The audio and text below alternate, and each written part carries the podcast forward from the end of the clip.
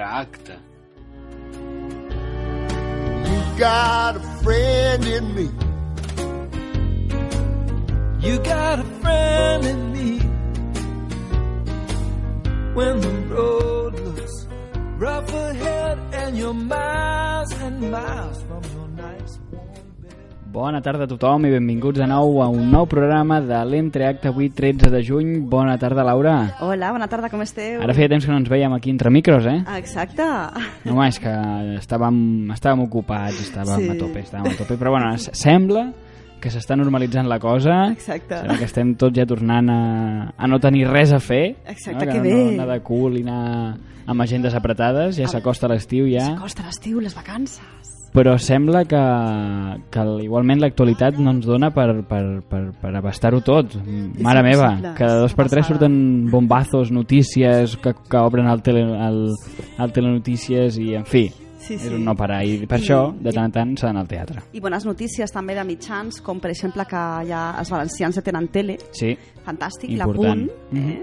I llavors això és un notició, la veritat. i tant. Notícies com aquestes alegren entre tantes desgràcies que, que obren les notícies eh, últimament.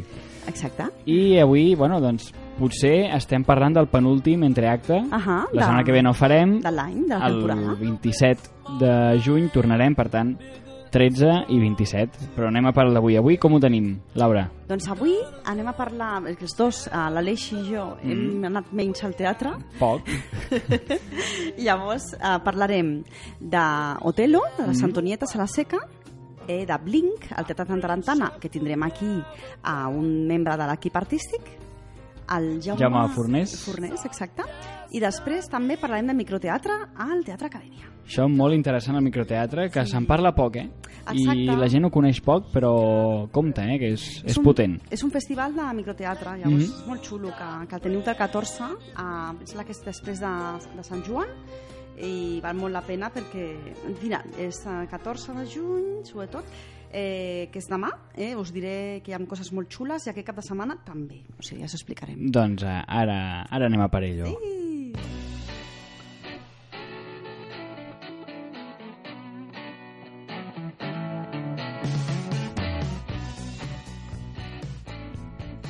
Doncs això, hem anat poquet al teatre, però bueno, Sí. hem, hem pogut, bueno, has pogut, però jo he de ser sincer, jo em sincero amb la nostra audiència i he de dir que no he pogut anar al teatre fa, mira, dos mesos que no vaig al teatre, imagina't, eh? Déu-n'hi-do, pobra. Entre coses i unis i el meu teatre i Exacte. ara vés aquí, ara fes això, ara firma un contracte per aquí de, de bòlit, però bueno, Bueno, però, Ara- però llavors entra més mono i després ja... clar, eh? a la, a la que pugui tornar ja veuràs. Sí que bé. Ah, bueno, i també vindrà dintre de poquet, abans de començar a parlar d'aquestes sobres, una que ens agrada molt a l'Aleix i a mi, eh, que arriba a la Biblioteca de Catalunya, torna, eh, Bodes, Bodes de de Sangre. Sangre. Eh, llavors també, eh, no sé si vosaltres vau poder veure-la, però val molt la pena, eh, perquè la veritat és que és una autèntica meravella. Eh, a que sí? Sí, sí, no, no, totalment, és... Sí. I a part amb el cavall, amb... bueno, en fi, Sí, sí, de la Perla 29, val? la tindreu a la Biblioteca de Catalunya, a veure si podem aconseguir A veure, de veure... vaig- vaig a mirar-ho. Sí, sí. Mira, ara us ho dic. Sembla que del 20 de juny al 28 de juliol, però ara ens ho confirmarà l'Aleix. Eh? doncs sí, tindrem bodes de sangre a la Perla i... A veure, que anem a confirmar... Sí, del 20 de juny al 27 de juliol. Genial. És a Eh, dir, un mes i una setmana. Exacte, val la pena perquè és, és un espectacle al·lucinant, val la pena que estigui dos, un, bueno, un mes llargot, mm Mhm. -hmm. tota, pràcticament tot l'estiu, perquè la veritat és una autèntica meravella. La música eh, és espectacular, del Joan Garriga. El, lògicament, ja sabeu que és un text de Federico García Lorca dirigit per Oriol Brogi, que acaba de sortir del Èdip a Teatre Romea amb Mhm. un fantàstic, meravellós eh, Julio Manrique, i ara doncs, em va dirigir a la Clara Segura, eh, molt ben acompanyada d'Ivan Benet, la- l'Anna Castells, la Nora Navas, el Pau Roca, eh, la Montse Beibei i un cavall, Un molt, cavall. molt especial. I tant. I, bueno, I els músics, que tal com us he dit, la música és del Joan Garriga, és una autèntica meravella, també eh, hi són el Marià Roc i el Marc Serra, fabulosos. Amb un vestuari espectacular, bueno, al·lucinant. Aquesta obra és, mm, dona mm, doncs, una sensació després que surts com flotant de, de l'obra i això que, ja sabeu que les obres de, de Lorca solen ser dramàtiques, eh? Mhm. I llavors mm, és Sí, sí. molt romàntica també, molt bonica per veure a l'estiu. I ajuda molt, la música en directe ajuda molt. Moltíssim. És un efecte que... Dona molta màgia. I que, i que no fa... O sigui, que no és contraproduent, que no és allò que, que et despisti, vull dir, no, que està super ben buscada i, i molt ben lligada amb, amb la trama i el text, diguéssim. Exacte. I després podeu trobar un llibre disc eh, amb la música de Joan Garriga de Preciós, que és com un llibre, que és una obra d'art, eh, un llibre disc, o de ser sangre, es diu igual, eh, que està editat per Godall Edicions, és una autèntica meravella. Eh? O sigui que si sortiu del teatre amb moltes ganes de, de que us quedi allò, ho podeu comprar, que és una... Bueno, és com una petita joia. Mm, eh? sí, sí, sí. Preciós. És el que fa el, el Teatre Nacional, Mhm, per dir d'alguna manera, que ara està traient els, els guions, els llibrets de, de les obres que fa. Ah, sí, Això trobo molt interessant. en col·laboració amb Arola Edicions, Mhm. que està, és una editorial molt xula que treballa molts temes dramàtics molt, eh, i per cert també, mira, així també aprofitem per recomanar literatura dramàtica, Sí. literatura de teatre. Sobretot. Després també l'editorial Coma Negra té una línia, una, doncs una col·lecció meravellosa, que és la col·lecció Dramaticles. Eh? Busqueu a Twitter Dramaticles i trobareu moltíssimes obres i també conjunts d'obres de- d'autors com Strindberg, el gran Strindberg, doncs que estan editades a, allà, a Dramaticles. Per exemple, una dramaturga jove que m'agrada molt, que és la Cristina Clemente, Sí. té un llibre també editat allà. Després l'Estel Soler, Ostres. O sigui que val molt, molt la pena. I tant, i tant. Doncs ja ja sabeu, si aneu al Teatre Nacional, mm, aprofiteu, doncs són 3 euros, crec, que Sí, són per llibre, vull dir sí, que no sí. costa res. És... La, la cervesa d'abans, doncs la inverteixes en un llibre Exacte. i ja està. Sí, sí, són llibres molt, molt bonics, els d'Arola Edicions, mm -hmm. per Mhm. exemple. Doncs ara anem a parlar-vos una miqueta d'aquest Otelo de les Antonietes. Ah, exacte, anem, anem per feina. anem, anem a la teca, la teca Exacte. actual. Sí, és una versió de l'Oriol Terrasson. Les Mhm. Antonietes està dirigida, aquesta companyia, per Oriol Terrasson, que és actor, dramaturg i director, fantàstic, la veritat. eh, Ell sempre fa unes adaptacions dels clàssics meravelloses, com per exemple Chekhov o Strindberg. I doncs eh, ara trobem una adaptació de Shakespeare, eh, que després de, del bon gust que ens va donar també a la seca la, la versió de la Tempesta, aquesta màgica versió de la Tempesta, ara ens trobem un Otelo molt especial, a una Desdèmona molt, molt especial, interpretada per l'Anabel Castan. Ah, exacte. L'Anabel Castan a mi em va deixar ja una sensació meravellosa quan la vaig veure. Mira, m'està posant ara mateix la pell de gallina. quan vaig veure fent, la, fent de Blanche, eh, també una versió meravellosa de, de les Antonietes d'un tramvia anomenat Desig. Mhm. I ara, doncs, veure la Desdemona a fa plorar, a fa emocionar moltíssim. Sí? Fa una Desdemona impressionant. Molt, molt ben acompanyada per un Arnau Puig que fa un llago espectacular. I a l'Otelo, que és molt especial, no, no, no és morenet, l'Otelo.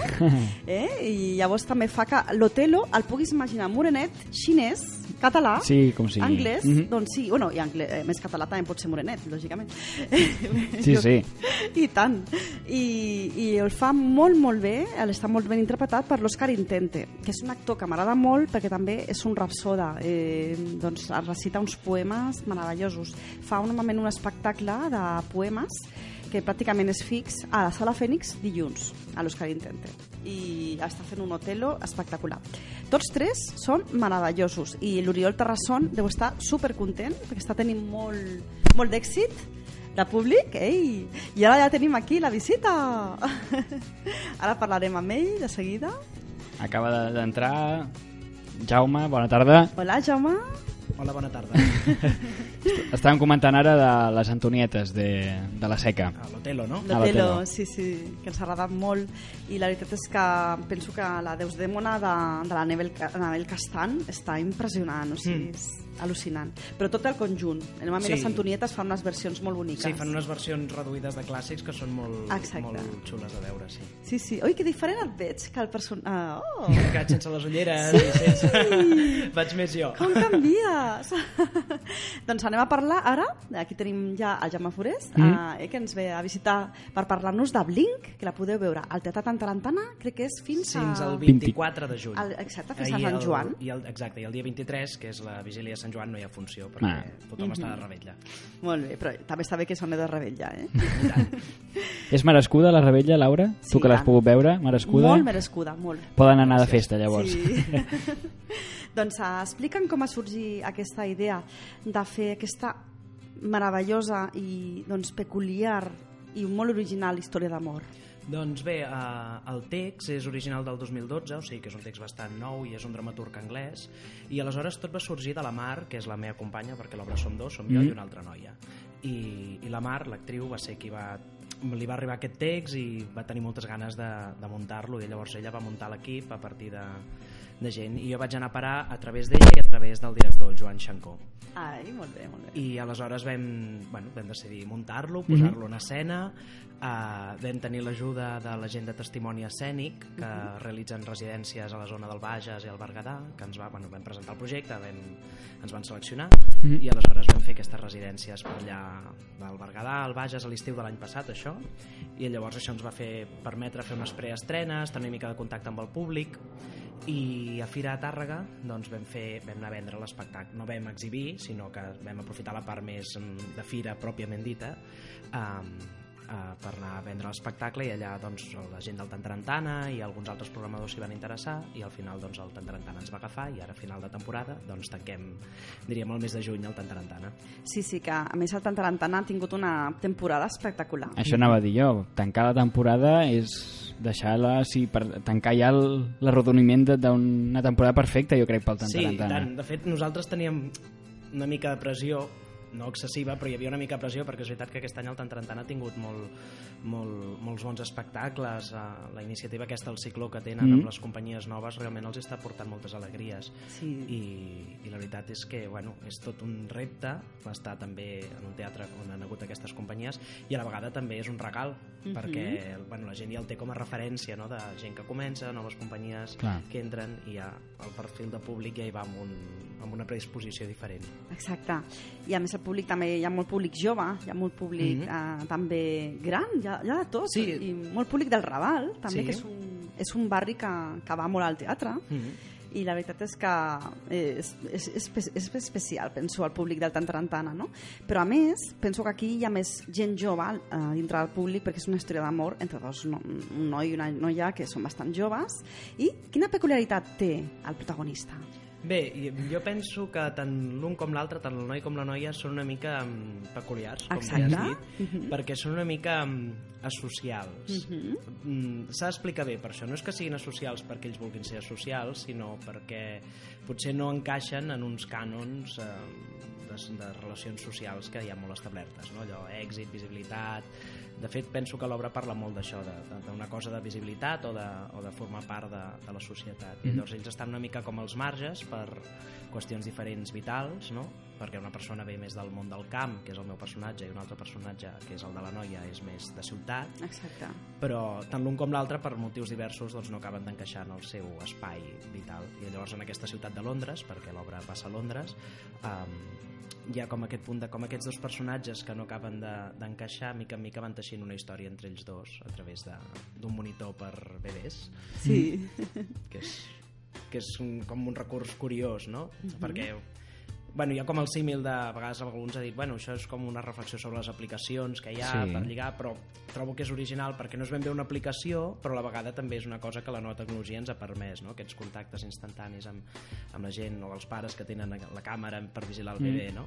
I penso que és un, un bon recurs com, com a punt de partida d'unió d'aquests dos personatges. Sí, que són dos personatges doncs, que a pesar de la seva joventut, això que se senten sols, que, que estan aïllats per circumstàncies, tots dos, doncs, com tu has dit, no? eh, doncs, han perdut, eh, bueno, no vull no fer spoilers, però han tingut pèrdues sentimentals, han tingut pèrdues emocionals molt importants, no?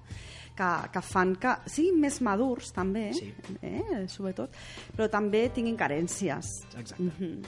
I, bueno, doncs també a mi m'ha recordat una mica la Bella Dorments, en certa, de certa manera, també, o la Blancaneus, no? Eh, eh, però en el bon sentit, en el sentit màgic no? de la història, de la història d'amor, i també aquest element britànic que sempre dona... Tenen tanta gràcia als, als autors anglesos per contar una història d'amor. Sí, sí, a més l'obra té alguns tocs d'humor molt, molt anglès, Sí. que és un típic ni tòpic mm. de l'humor anglès, però és veritat, aquest humor entre sarcàstic, um, irònic, que, que li va molt bé, Sí, perquè sí, sí. de fet una de les coses a mi, em, pregu- molts, molts amics em pregunten bueno, i això de què va dir? Que és una història d'amor i a vegades hi ha gent que et fa com una cara de uf, un altre, Yeah. allò, com una cosa romanticota, mm, nyonya i, no, no, dic que és una història d'amor però no és gens eh, aquest prototip d'història No és, d'amor no és convencional. Exacte. I, I penso que tota aquesta ironia, aquest sarcasme i, i algun gir que hi ha en el text mm, li, li van molt a favor, perquè ja, ja no és una història romàntica clàssica en el sentit de que els personatges ja no són uns personatges clàssics, no? Ja, ja parlem de dos éssers socials amb aquestes carències afectives i llavors és com van teixint. I a més també penso, no farem spoilers, però, però que el desenvolupament de la història també és, no és el patró típic romàntic però això fa que s'acosti més a, a la realitat del dia a dia perquè les històries no, no són com ens han explicat a les pel·lícules No. o els contes no? Exacte. I llavors també a mi m'agrada... No sé què passa amb el micro. Sempre tenim problemes amb el micròfon, eh? Amb el micro. Si no, agafem el 4. Eh? Agafem un altre, no? Sí. sí. farem un canvi de micròfon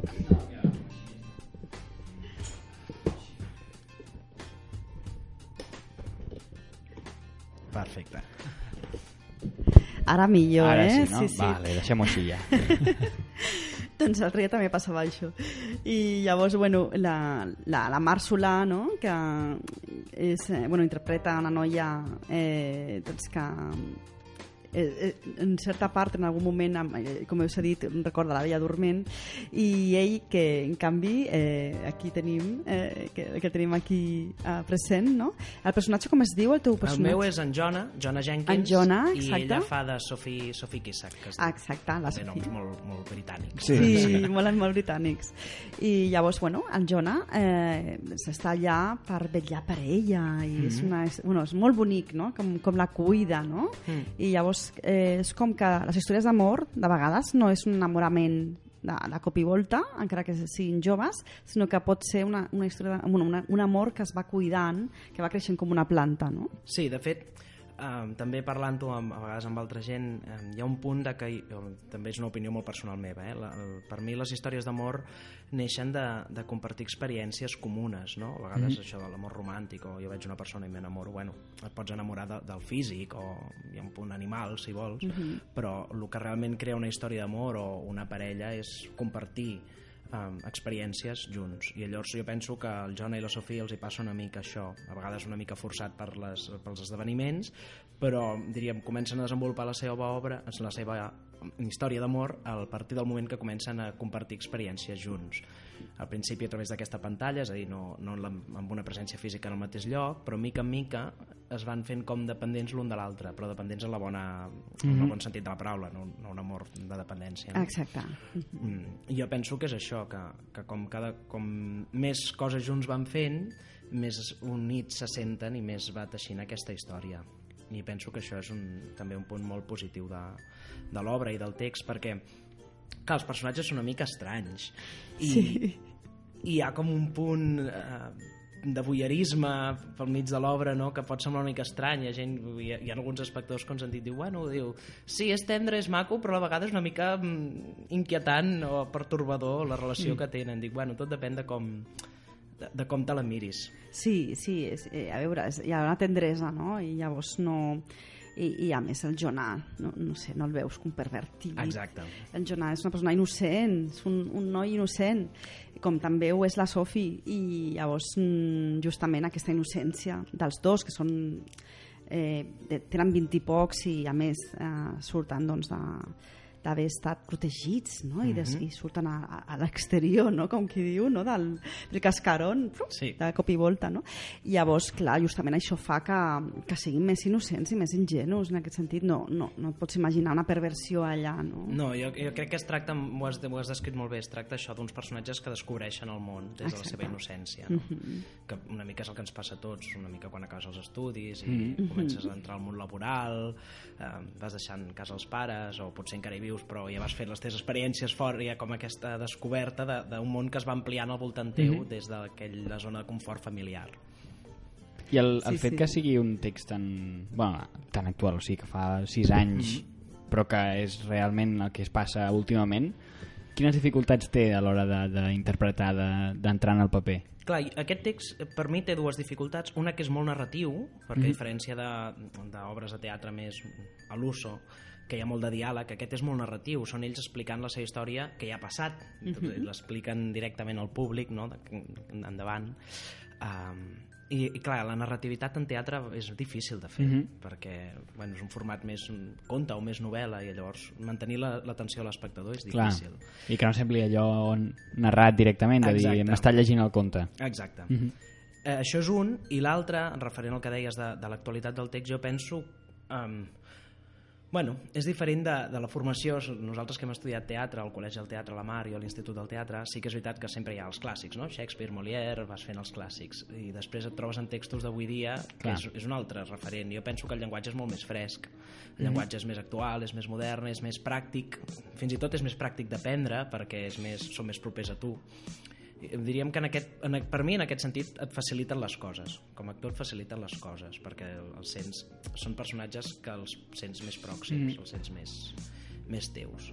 També és veritat que la traducció l'hem fet a nosaltres, perquè l'original és anglès i llavors és la primera vegada que es representa aquí a Espanya, aquí a Catalunya també, evidentment, i llavors eh, la traducció catalana és nostra. Aquesta obra es va estrenar, com ja us he dit, el 2012 a, a Anglaterra, i després es van fer una versió el 2014 a Nova York, i després hi havia una versió castellana, però de Mèxic, i s'ha fet a Brasil i a Austràlia.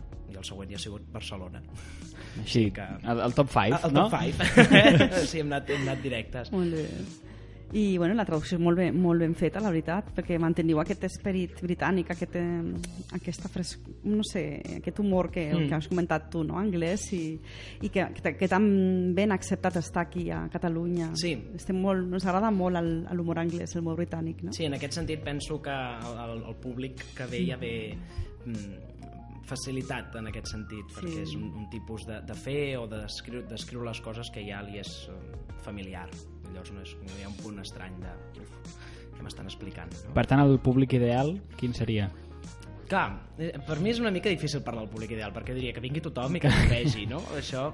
Sí que és veritat que nosaltres, el Tantrantana té dues sales, hi ha la sala de baix, Sí. que són els baixos, i nosaltres estem a l'àtic, que és A la sala 22. petiteta. Mhm. Llavors, això ja ens limita una mica el públic per la franja de, de la gent més gran, perquè s'han de pujar moltes escales. Clar. I això hi ha gent eh, que ens ho ha dit, gent més gran que dius, ostres, em sap greu que sigui l'àtic perquè això ja ens limita. Jo penso que és bastant universal. Sí que és veritat que el text jo, mm, s'entén diferent si ets jove, si ets allò Mm. franja 20-30, que si ets de l'edat dels meus pares, 50, no?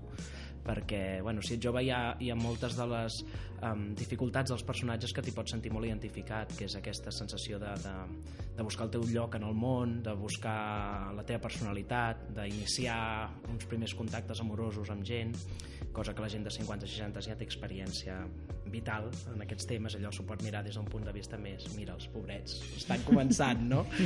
Que, que un és com penso que el punt de vista de la gent més gran és com nostàlgic i el punt de vista de la gent més jove és com, ah, els hi passa el mateix camí, no?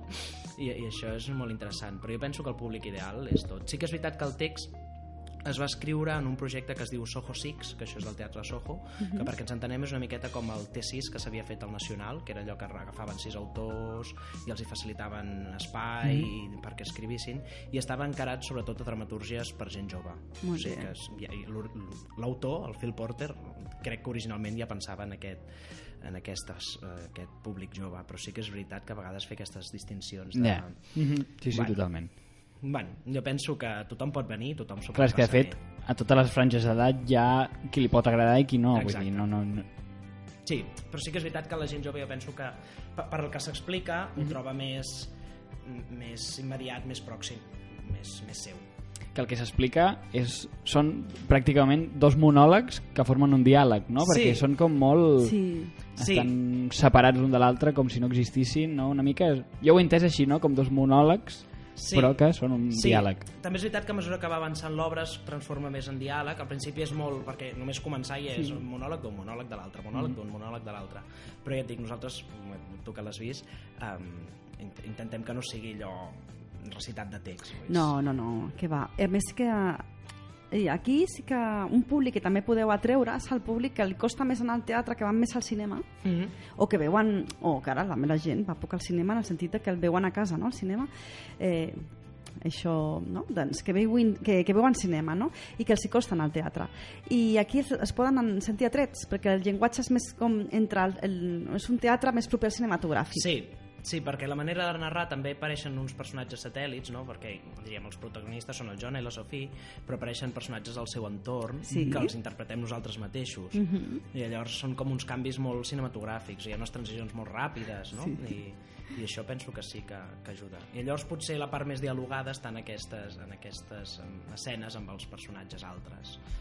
I també a nivell d'assajos això va ser una mica un treball complex perquè si bé és el que com tu dius que hi ha com dos monòlegs sí que és veritat que les paraules d'un es barregen en el monòleg de l'altre i llavors és com, com fer-ho perquè no, representa que no ens estem escoltant, no estem en el mateix espai, però realment ens hem d'escoltar molt perquè el, el text d'un va en funció Clar. del text de l'altre i llavors em, sí, hi ha, hi ha com un punt algun crític, que hem començat a rebre algunes crítiques, algun crític ho deia no? diu, és, és com que estan separats però a la vegada super compenetrats i penso que l'obra també parla una mica d'això de com et pots sentir molt unit algú que potser no has vist mai Mhm. això passa Sí. molt avui dia no? sí, amb les xarxes socials Exacte, que a vegades et sents més unit amb aquella persona que hi ha a l'altra banda de la pantalla que, no sé, amb la teva germana, el teu pare o la, o la teva veïna. Mhm. Hi ha gent, veïns que no ens parlem mai i en canvi tens relació amb una persona que viu als Estats Units, no ho sé, eh? Són històries, és, penso que l'obra també va d'això. Sí, ara, ara que has parlat de la crítica, sí que he llegit el- a l'Olivares, el Mhm. Time Out, es va deixar molt bé, el, el Xavier Pijuan també, a Teatre Barcelona. Sí. Vull dir... No, la veritat és que no, nosaltres som els primers eh, sorpresos gratament. Esperàvem que anés bé, però la veritat és que hem rebut molt bones crítiques i això sempre fa molta il·lusió. Mhm, I tant. Ara, la millor crítica sempre és el, el públic, no? I, i veure com, com va venint al teatre, de moment estan anant bastant bé. Encara queden entrades, vull dir que la gent vingui, si li Molt de bé. gust, I tant. però, però estan anant Vosaltres bastant bé. sortiu després, eh, després de funció, sortiu a parlar amb el públic? O... Si algú s'espera allà, sí. Vull dir, nosaltres sempre estem oberts, que és el típic, sempre has de recollir quatre coses abans Sí. de sortir, però nosaltres estem oberts a, a parlar amb tothom. De fet, quan vam fer les preestrenes a l'estiu passat, això de, del Berguedà i el Bages, sempre fèiem un col·loqui postfunció i ens va anar molt bé perquè és agradable escoltar el, Sí. el públic. No només en teatre, eh, vull dir, també els mitjans de comunicació, ràdio, tal, sempre és agradable tenir com aquest feedback de com, com ho, ho percep el teu usuari i, i fins i tot poder modificar coses en funció de, de, del que retorna.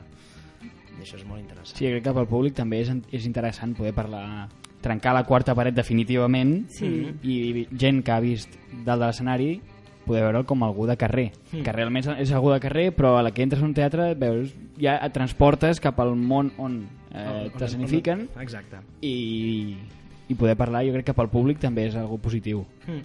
També hi ha una cosa molt positiva de, de l'obra en l'espai que el fem, que és un, un format molt proper, perquè Sí. són poquetes persones, Mhm. i penso... L'Àtic 22 fa això, sí, sí, és que t'acosta més l'obra al Mm. públic, no?, i la fa molt propera. I, bueno, penso que tothom surt molt content de, de l'obra i vosaltres feu una feina fantàstica, eh, actors, tots dos, eh? Gràcies. Sí, sí, la veritat. Eh, tu m'has recordat a, a un moment el Woody Allen. El Woody Allen actor, eh? Ostres, Sí, sí, sí, gràcies. sí. No, a més, mira, m'agrada que em diguis això perquè, bueno, això no, ara no sé si va amb l'obra, però ho explico igual. Uh, el meu treball final de carrera va ser a partir d'uns textos del Woody Allen. Ah. perquè és un- Ell m'agrada més a mi personalment com a guionista que com a actor, perquè com a guionista és brutal, no? Però Sí. a partir d'uns textos i, o sigui, que algú deu haver-hi amb mi per allà. Ostres. S'ha quedat, no? sí, algú allà que, que sorgeix. També és veritat que el personatge facilita això, eh? Perquè Sí. té aquests tics eh, una mica neurastènics. de- Exacte, del té un encant allò especial en aquest sentit, no? Penso que Woody Allen també com a actor és molt, eh, aporta unes coses també molt especials que com és director, guionista i actor, no? Mhm. les tres coses, no? també, com molts ara, com molts actors ara Sí. també són directors i dramaturgs també cada cop més i eh, m'encanta aquesta fusió, no? Que aquesta, eh, perquè fa que, que sigueu més complets no? com, Sí. com a artistes. Sí, a més també en, en, en el nostre país, diríem, el, el sector cultural està, està bé, és fort, però no és model anglosaxó on, els rols estan molt definits. Llavors ha com, és una mica absurd aquí a Catalunya o aquí a Espanya intentar separar tant de jo només dirigeixo, jo només faig llums, jo només actuo i jo només construeixo... Jo crec que tots hem de saber fer una miqueta, també per les circumstàncies del país, però com més saps fer, millor I tant. perquè pots opinar d'altres coses, mm, valores més el treball de l'altre, perquè també saps el que costa fer la direcció o com costa fer unes il·luminacions, no? que a vegades sembla que, que al teatre siguem només les persones que estem a, a escena, els actors, però hi ha, hi ha molta més gent darrere. Vull dir, en els programes ho llegeixes i tu veus dos actors, però hi ha 15 persones Clar. en, el, en, el, en el programa demà, o més, no? I, I això de poder fer una miqueta de tot, entre tots, també ajuda a valorar molt aquestes coses. Sí, sí. Bueno, i enhorabona també a tot l'equip, no? a la Carbonada Teatre, la companyia, al Joan Xancó, el director, aquesta versió tan bonica que heu fet de, del Phil Porter, fantàstic el Phil Porter també, i és això que dius, hi ha tot l'equip artístic, la veritat és que fa que, que aquesta obra sigui tan rodona i, i tantes ganes de, de... No sé, és com eh, que t'entren ganes de tornar-la a veure de seguida, mm. perquè és màgica i, vols, i penses, bueno, a veure, ara si la torno a veure, què veuré, no? Perquè aquests dos monòlegs que després conflueixen i tot es poden veure des de molts angles. Mm -hmm. Sí, jo penso que també és això, que és una obra que si la tornessis a veure la veuries diferent. Sí. Perquè primer hi ha com la descoberta de la història i ara que ja la saps vas veient, ah, això era per allò i aquí es va teixint. Mm -hmm. És, és un text que ajuda a revisitar-lo, sí. O sigui que ja sabeu, el públic, eh, els que s'escolteu, que aneu a veure Blink a Teatre Tantarantana a la sala Àtic 22, que estaran fins al dia de Sant Joan. El dia de la Rebetlla no, com ha Exacte. indicat molt bé, uh, però, però bueno, ja sabeu eh, que, que teniu encara uns quants dies per poder gaudir-la i a més és molt, molt estiuenca, molt romàntica. O sigui que, romàntica en el bon sentit, eh? Exacte. aquest bonic no? i màgic. Doncs ja sabeu, eh? aneu a veure Blink. Moltes gràcies, us esperem. Moltíssimes gràcies a tu, la veritat, ha estat un gran plaer que, de tenir-te i bueno, esperem tenir-te un altre dia per Oh, i una altra tant. obra Jo sempre que vulgueu. o per Blink mateix Per mi mateix, si, si la temporada que ve tornessin. exacte, jo, jo crec que sí que tornareu eh? Esperem. sí, sí, tant. Moltes gràcies. moltes gràcies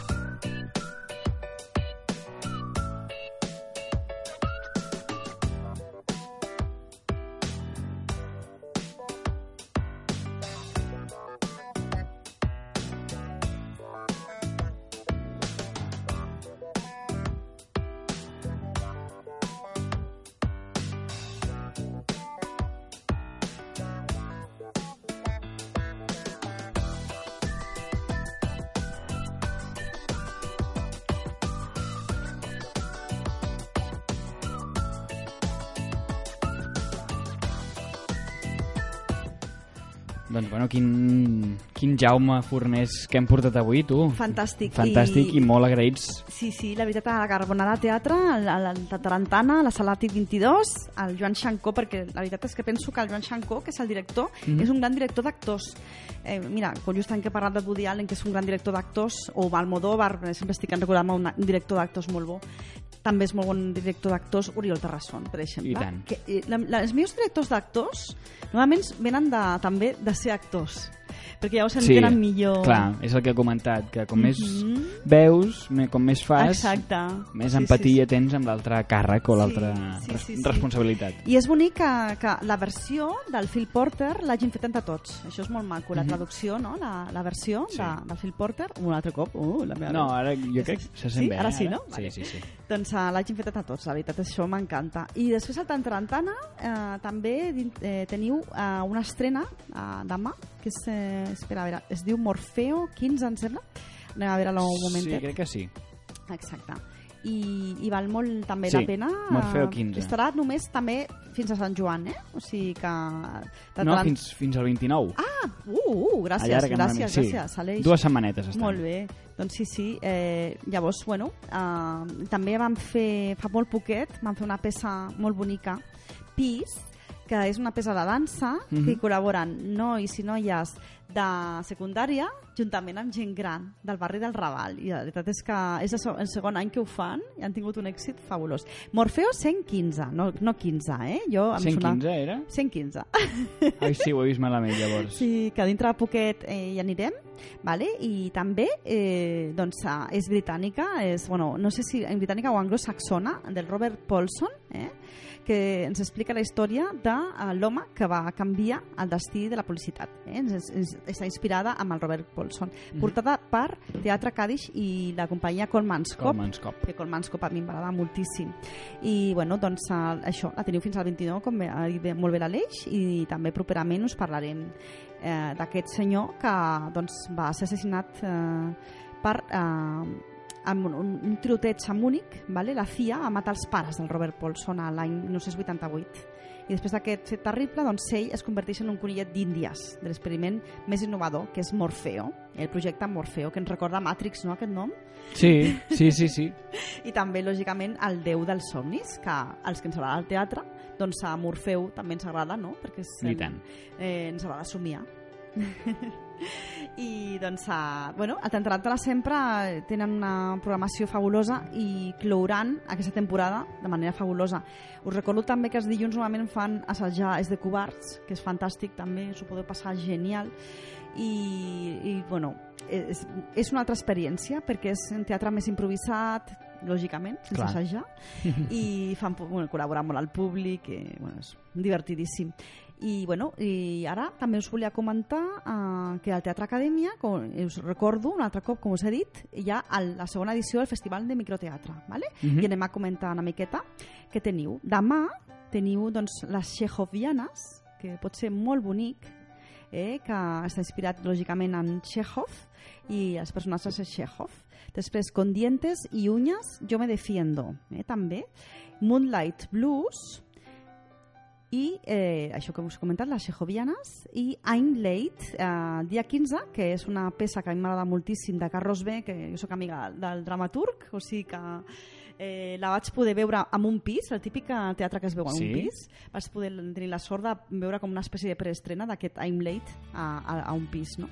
i és fantàstica Cafè Hipòdrom eh, de, també eh, molt bonica de Rosa Molina Beautiful Boys amb, acabat en Z Espècies desprotegides. Mhm. ah, jo ja hi ha el dia 16 també Hola Fumó. Ini Dins també això el dia 16 i després el dia 17 uau, ara això se'm costa jo que sóc tan així fineta. Eh, El ojo i la pi... El ojo i la polla. I després eh, Jocs perillosos eh, eh, i sis autors a la recerca de personatge aquesta és, és coneguda de, del Ramon Pardina també, molt xula Mhm. en direcció del Pep García Pascual que és eh, justament de Parking Shakespeare eh? o sigui que pot estar molt bé i doncs eh, ja sabeu, això del 14 al 17 de juny al, al microteatre, el Festival de Microteatre de la, del Teatre Acadèmia amb un preu super baratet 3 euros, Superbé. o està superbé Superbé. sí, hem d'anar-hi, eh? O sigui que ja sabeu, teniu tot això i molt més, moltíssimes coses més que, de les que us parlarem ja dintre de dos dimecres, veritat, Sí, Aleix? i tant, i tant. Perquè ens donem una setmaneta de vacances, no? Exacte, sí, sí, que bé, Que que cadascú faci... que aprofiti per anar al teatre.